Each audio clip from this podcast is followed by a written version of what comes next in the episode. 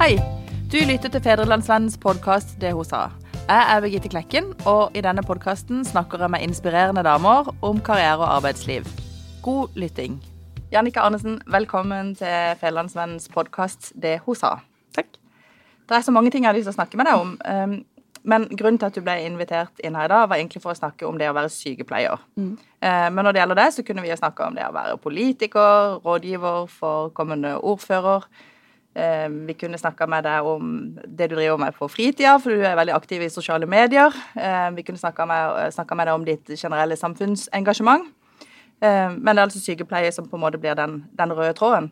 Så jeg lurer på om vi skal begynne med å spole litt tilbake i tid.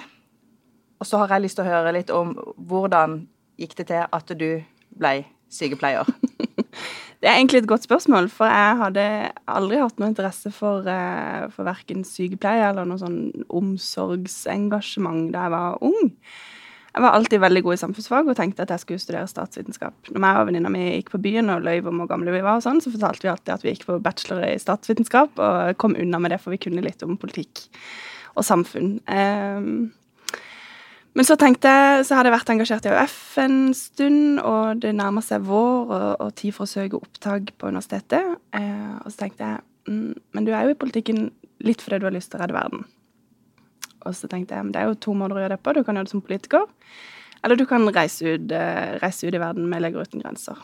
Så jeg tenkte at eh, eh, kanskje jeg skal bli sykepleier, sånn at jeg kan reise til Afrika og vaksinere barn. Så det var egentlig bakgrunnen for at jeg tok sykepleien. Åssen gikk det, da?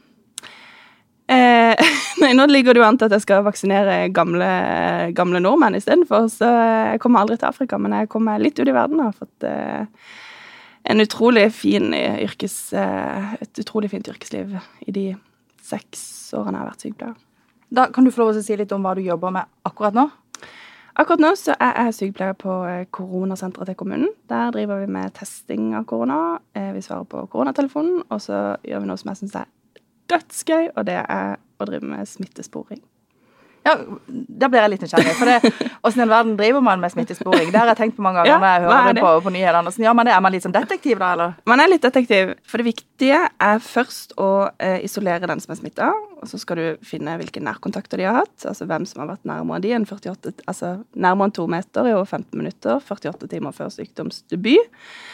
Eh, og så skal du prøve å finne smittevei. Eh, og eh, både det å finne ut av hvem de har vært sammen med, noen har jo hatt symptomer lenge, og kan kanskje være en uke du skal spore nærkontakter. Eh, og det å få deg til å huske hvor du var mandag, tirsdag, onsdag, torsdag, fredag, ganske, det er en kunst i seg sjøl. Og så skal en prøve å finne ut av hvor de har vært som, som kanskje kan fortelle noe om hvor de har blitt smitta. Har de vært i noen andre kommuner med høyt smittetrykk? Har de vært et sted hvor vi vet at det har vært smitte? Et eller annet sånt. Så det er det er mange som sier det, av de vi ringer til, at eh, å, det er skikkelig politidetektivarbeid de holder på med. Men føler du at dette er eh, sykepleie? Ja, eh, fordi at jeg bruker mye av min fagkompetanse til å vurdere hvor stor er smitterisikoen i de situasjonene du har vært. Så min kompetanse knytta til smitteoverføring eh, i de vurderingene om du er definert som nærkontakt eller ikke, eh, der tror jeg min sykepleierkunnskap er viktig. Du, Før du begynte med den jobben du har nå, mm. så jobba du på Lindrene på sykehuset. Mm. Um, vil du si litt om hvordan den jobben var? Jeg hadde praksis på Lindrene da jeg var student, og det var egentlig sånn jeg kom inn på den avdelinga.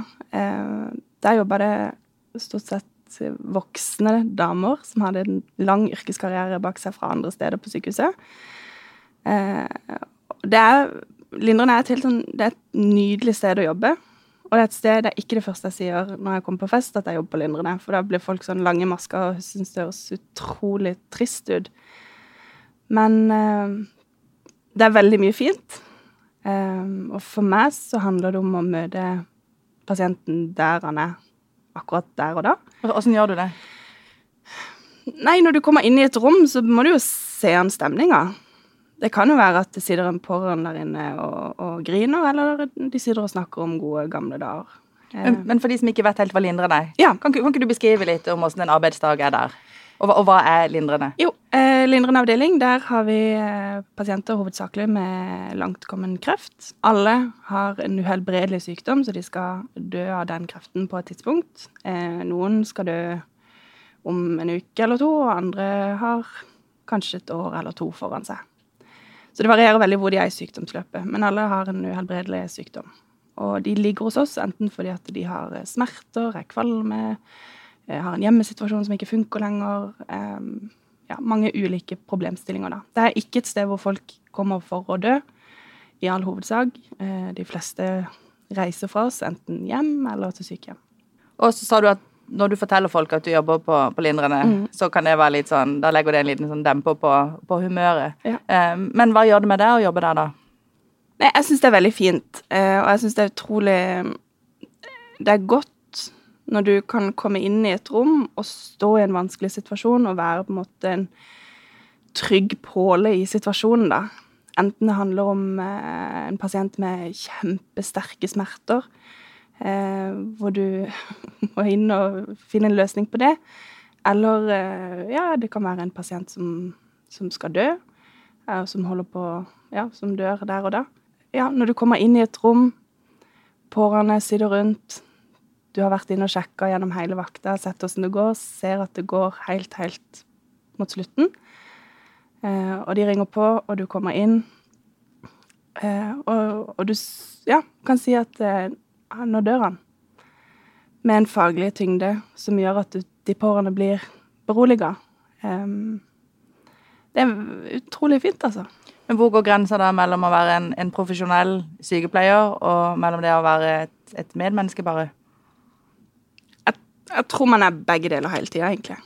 Men altså Det er jo min fagkompetanse som, som gjør at den situasjonen i det rommet blir ålreit. Det er min fagkompetanse som kan si at han har ikke vondt. Den rallinga du hører i pusten, merker han ikke sjøl. ja. Du snakka om at du hadde et ønske om å være med på å redde verden. Kan, kan man redde verden litt gjennom å jobbe på, på lindrende også?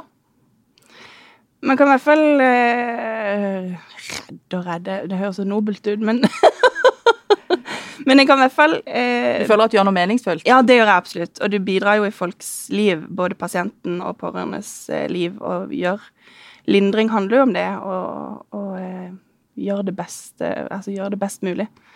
Eller mest mulig levelig for den, den som skal dø, da. Men når du snakker om jobben din på Lindrende, så, så ser jeg på deg at eh, du, eh, du er berørt og du er engasjert. Så Mm. for meg virker det som at det var en jobb du, du trivdes med, som Mm. passer deg godt. Mm. Men allikevel så valgte du å, å bytte jobb. Mm. Hva var det som gjorde det? Og hva er den stillingen du har nå? Hva, hva heter den? Eh, nei, nå er jeg sykepleier på koronasenteret. Ja. Jeg har jo gjort litt forskjellige ting. Jo, ikke- det er ikke lett å få fast full jobb på Lindrende, for å si det sånn. Det, jo, det gjelder jo for hele eh, ja, sykehuset. Eh, at det er vanskelig å få full og fast jobb. Så jeg har gått i små vikariater eh, fram og tilbake, og dermed hatt muligheten til å skifte jobb ofte. Så jeg har jo Det første jobben jeg bytta til, da flytta jeg jo til Grønland. Og bodde der eh, fire måneder, ble det. Jobba på sykehuset i Nuuk, hovedstaden der oppe. Men åssen havna du der? På Grønland? Nei, jeg søkte utveksling til Grønland da jeg gikk på sykepleien.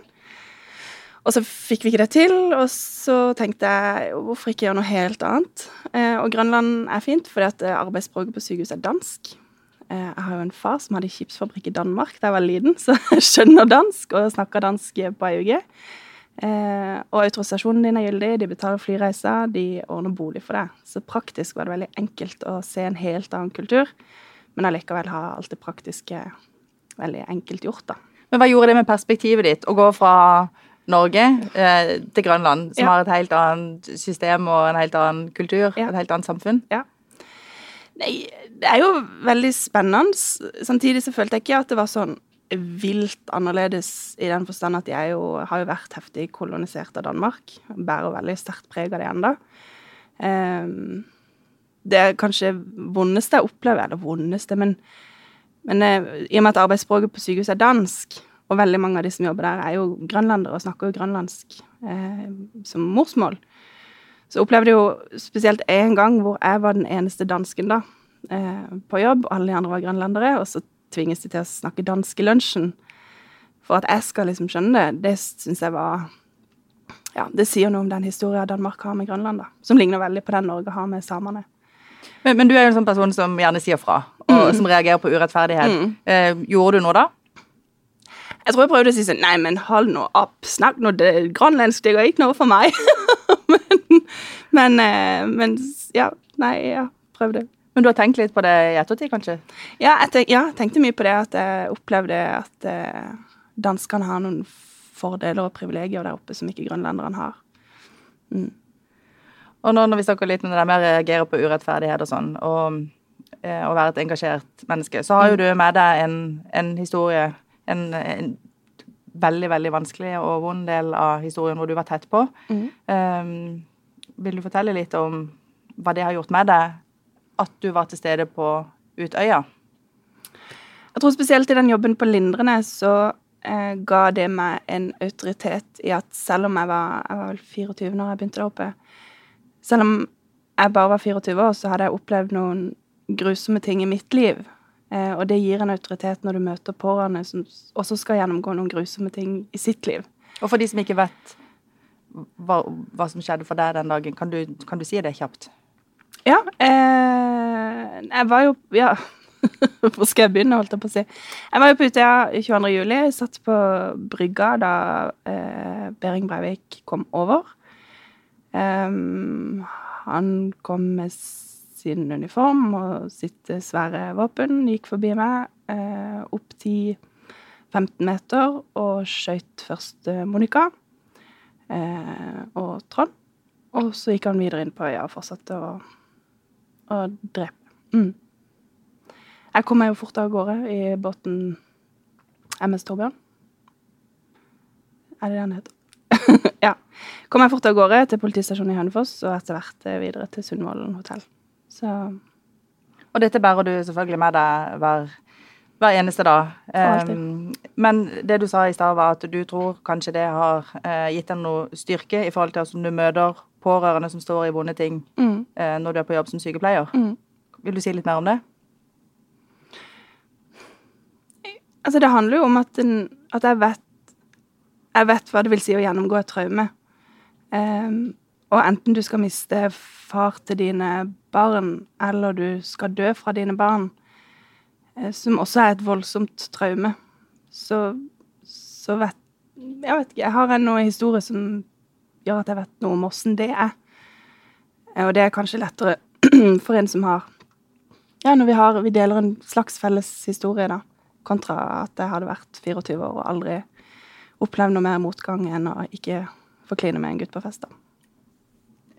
Men um, du har dine faglige kvalifikasjoner, mm. og så har du jo det, alt det du har um, opplevd, mm. selvfølgelig. Uh, men hva er det som er det Eh, eller hvordan er en god, er en god sykepleier i 2020? en god sykepleier i 2020 er ikke ei som bare er søt, snill og grei, for å si det sånn. Det er et uh, fag, et tungt fag. Uh, jeg er bare en sånn middels uh, sykepleier faglig sett. Har vokst siden jeg gikk ut av universitetet. Gjorde det ikke spesielt godt der. men du, du, må evne å, å hele tida vite hva som er viktigst. Hva er det jeg skal prioritere nå? For en arbeidshverdag for en sykepleier er hektisk. Eh, og du må evne å prioritere hele veien ut ifra den fagkunnskapen du har. Og så Du kan ikke være en bitch, da er du ingen god sykepleier. Men eh, det holder ikke å være søt og snill. Du må det er, det er, et fag du skal utøve. Jeg vet at du også er opptatt av likestilling. Mm. Uh, og innenfor sykepleie så er det jo en kjent problemstilling. Du var innom det sjøl uh, tidligere, at uh, det kan være vanskelig å få fulltidsjobb. Det er mm. mange deltidsstillinger. Mm. Um, det kan jo være litt sånn eh, profesjonskamp. Mm. Um, det er litt av det klassiske mellom, forholdet mellom eh, leger og sykepleiere sånn statusmessig. Mm. Har du, eller Hvilke tanker gjør du deg om, om likestilling i et sånn sykepleierperspektiv? Eh, altså for å si Det sånn, det var en runde jeg måtte ta med meg sjøl når jeg da 19 år bestemte meg for å bli sykepleier. Når du hele livet har snakka om at vi trenger kvinner på anleggsplassene våre, og vi trenger kvinnelige rørleggere og så skal du plutselig sjøl velge det mest kvinnedominerte yrket i hele, i hele, Norge. Men jeg tenker, kvinnekamp handler jo ikke om å begrense kvinners muligheter. Det handler om å utvide mulighetsrommet for kvinner. Eh, og hvis det er sånn at kvinner ikke kan ha kvinnelige interesser, altså tradisjonelt kvinnelige interesser fordi at de, eh, de burde velge noe annet, så har vi jo ikke fullført kvinnekampen. Vi har jo tvert imot eh, kjempa imot, da. For mulighetsrommet skal være så stort som mulig. Men jeg, jeg syns det er en utfordring at, eh, at, det er et yrke med mye deltid og eh, lite faste stillinger. Eh, jeg tror jo det kommer en generasjon sykepleiere nå som ikke ønsker å jobbe deltid, og som ønsker seg fast jobb. Eh, det gjør at arbeidsgiver blir pressa på en annen måte enn det de kanskje har blitt tidligere. Jeg hadde lyst til å spørre deg om hva du tenker skal til eh, for at en får løst dette med, med deltidsproblematikk. Nei, altså Det er jo at arbeidsgiveren, altså kommune, stat, må tilby fulle stillinger. Eh, det må være penger nok til det, og så må de klare å løse Det er jo helgekabalen som gjør at eh, veldig mange arbeidsgivere syns det er vanskelig. Eh, så det må de klare å løse på, på en eller annen måte. Jeg sier dere med oppskriften på det. Jeg sier dere kan bevilge noen penger på budsjettet, det har vi gjort, til flere heltidsstillinger. Eh, men det er jo det som er veien å gå. Trenger penger. Og når jeg spør deg om det, så vet jeg at det er fort gjort at du tar på deg litt politikerhatten, og det er ikke så rart, for du er jo sånn sterkt engasjert eh, politiker. Ja. Uh, men istedenfor å utfordre deg på politikk, så har jeg egentlig litt lyst til å spørre deg om en annen jobb du hadde, ja. eh, som handla om politikk. For du var jo rådgiver for han som ble ordfører i Kristiansand etterpå, Jan Oddvar Skisland. Mm. Um, og da hadde du permisjon fra sykepleierjobben, hadde du ikke det? Jeg hadde aldri fast jobb. Så hadde du ikke fast jobb, ikke noen permisjon å ha. Nei, nei. Men du jobba iallfall i ett og et halvt år? Jobba ett og et halvt år. Altså, hovedoppgaven var jo å jobbe med valgkamp for Kristiansand Arbeiderparti. Eh, spille Jan Oddvar eh, så god som mulig, løpe etter han og ta bilder og legge ut ting på han. Så det var gøy. Men åssen var den jobben kontra det å være sykepleier? Jeg savna det å være sykepleier. Eh, det var utrolig spennende og lærerikt å bare jobbe med politikk. Samtidig så syns jeg det var ensomt, og um, du var aldri ferdig på jobb. Um, så jeg savna det å komme inn i et rom og bety en forskjell i folks liv akkurat der og da. Uh, og så kan du gå hjem klokka tre og gå tur i skauen istedenfor. I ditt fagmiljø, um, hvilke utfordringer er det man snakker om da når det gjelder sykepleie? opplever at eh, den største utfordringa til kollegaene mine rundt forbi er jo at det går ekstremt fort på jobb. Du har eh, en enorm mengde arbeidsoppgaver du skal nå gjennom på en syv-åtte timer, og eh, veldig mange opplever at det går for fort. At ikke de får gjort eh, jobben sin godt nok. Og det skaper en slitasje på folk som er ekstremt utfordrende. Det skaper en slitasje på eh, hos sykepleierne mm. eller i, i, miljøet der. Mm. Eh, og så vil jeg jo tro at også pasienter merker det. Og på hvilken måte vil de merke det? Eh, ja, kanskje beste eksempelet på det er 'jeg kommer straks', 'jeg kommer straks', 'jeg kommer straks'.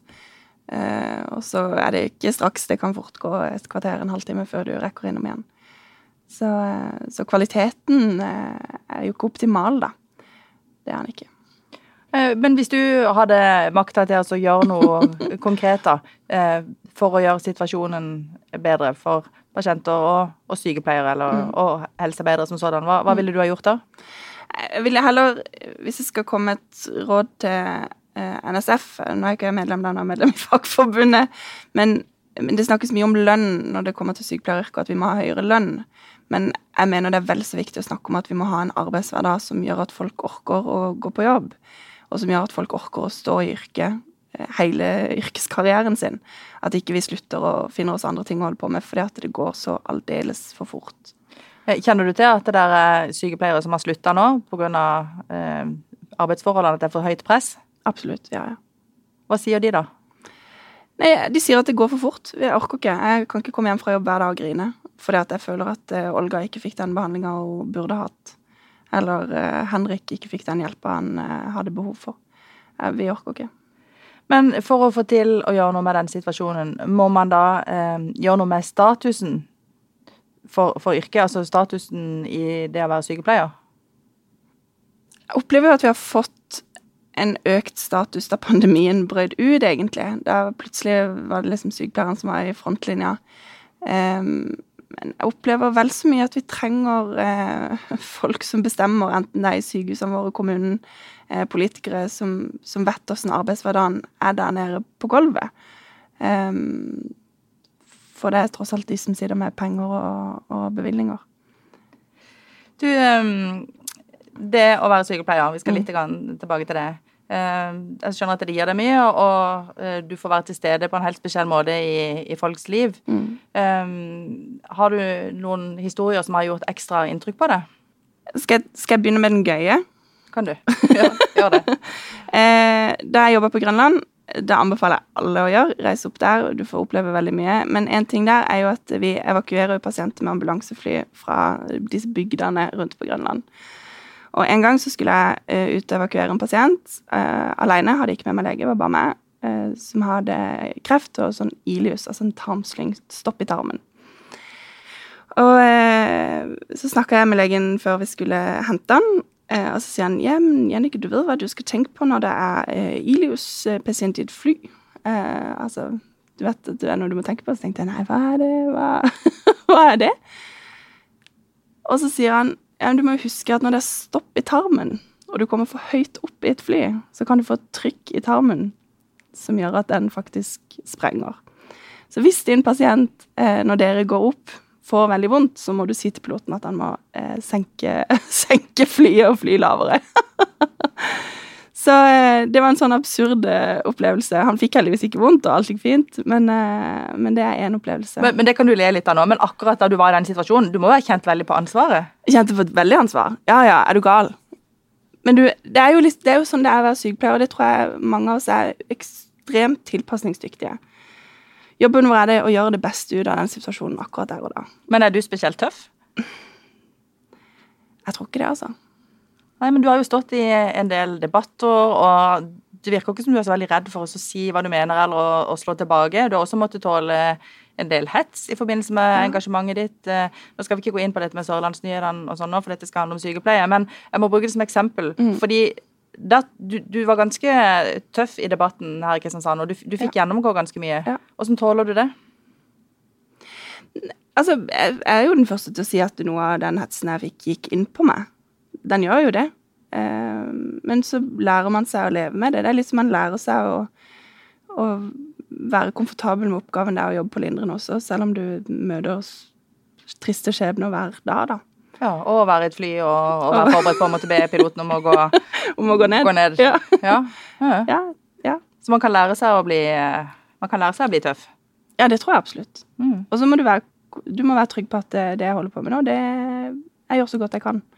Jeg har en kompetanse i, i, i bunnen som gjør at jeg kan ta de vurderingene jeg kan i disse situasjonene. Mm. Um, du hadde en historie til ja. som du gjerne ville dele? Um, en ting er jo når du har helt ukjente folk på Lindrene. Der får man jo en profesjonell ikke distanse, men du har et profesjonelt forhold i hvert fall til vedkommende. Men det hender jo at eh, byen er jo liten, og det hender at du har folk du kjenner der oppe også. Eh, og jeg husker spesielt godt eh, Theis Salvesen, prest i eh, Tveit kirke. Var egentlig fra Farsund. Eh, han hadde vært innlagt hos oss, og han skulle hjem til kona si, Marit, som han elsker over alt på jord, eh, og dø.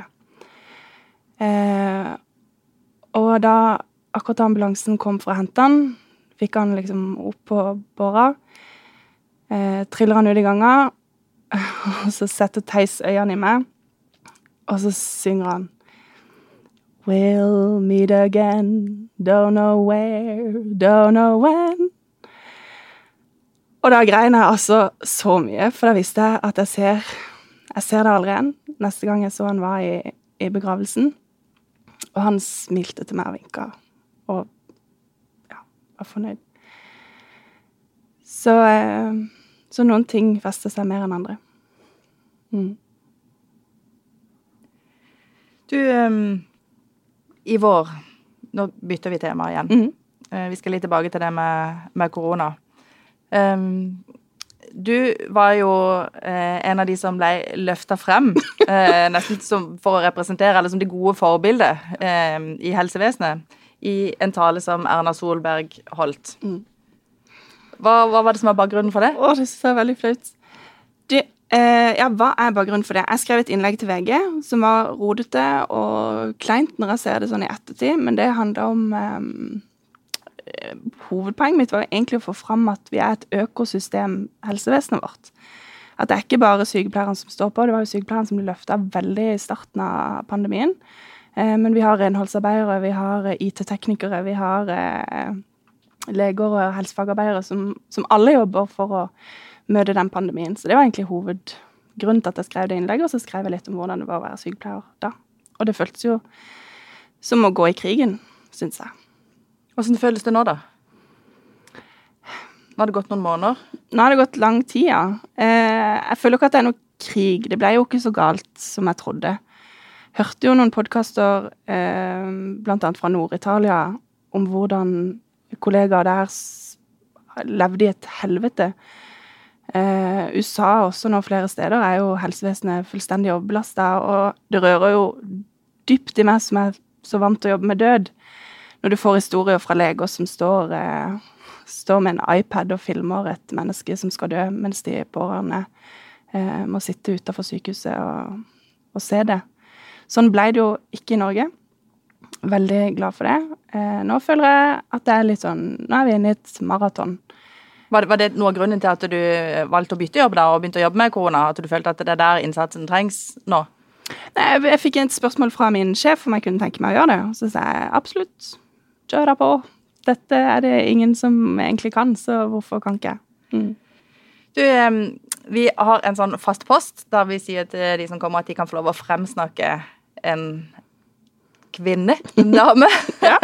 som har inspirert de, eller som har betydd, som har betydd noe. Mm.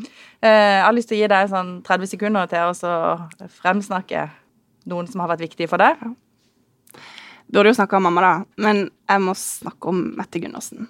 For den dama, hun er gruppelederen min i bystyret, og den dama, hvordan hun har løfta meg, sett meg, eh, gjort det hun kan for at eh, jeg skulle få lov å skinne og finne ut av lokalpolitikken i Kristiansand, har vært helt uvurderlig. Også hvordan hun stilte opp for meg etter 22. juli, var kjempeviktig. Så, så det har vært ei dame som har heid på meg hele hele mitt liv, eller så lenge jeg har kjent henne. Eh, så det tenker jeg er viktig, å finne damer. Damer som heier på damer. Det er bra. Og da hadde du en god framsnakka Mette Gundersen. Det er bra. Eh, så eh, har jeg lyst til å spørre om du kunne tenke deg å si noe til de som hører på, der du bruker din erfaring til å komme med noen gode råd. Mm. Ah, så kleint å gi råd, liksom. men, men, jeg, jeg syns jo eh, Det handler jo både om å tro på den kunnskapen en sjøl har, eh, og at den kan brukes på mange forskjellige måter. Det er jo mitt liv en, eh, et bevis på, både som sykepleier mange forskjellige steder og, og i politikken. Eh, og så er det viktig å lytte til de som heier på deg, tenker jeg. Eh, så Mette har vært viktig for meg, og Theis var viktig for meg. Å finne, lytte til de som heier, og lytte litt mindre til de som, eh, som gjør det de kan for å snakke deg ned. Mm. Tusen takk, Jannike, for at du eh, ville dele både historier og, og kunnskap. Takk for at jeg fikk komme. Du har lytta til Federlandsvennens podkast 'Det hun sa' med Birgitte Klekken. Har du tips til andre bra damer vi bør snakke med, eller har du lyst til å dele inspirerende erfaringer fra ditt arbeidsliv? Ta kontakt på dethosa1fn.no.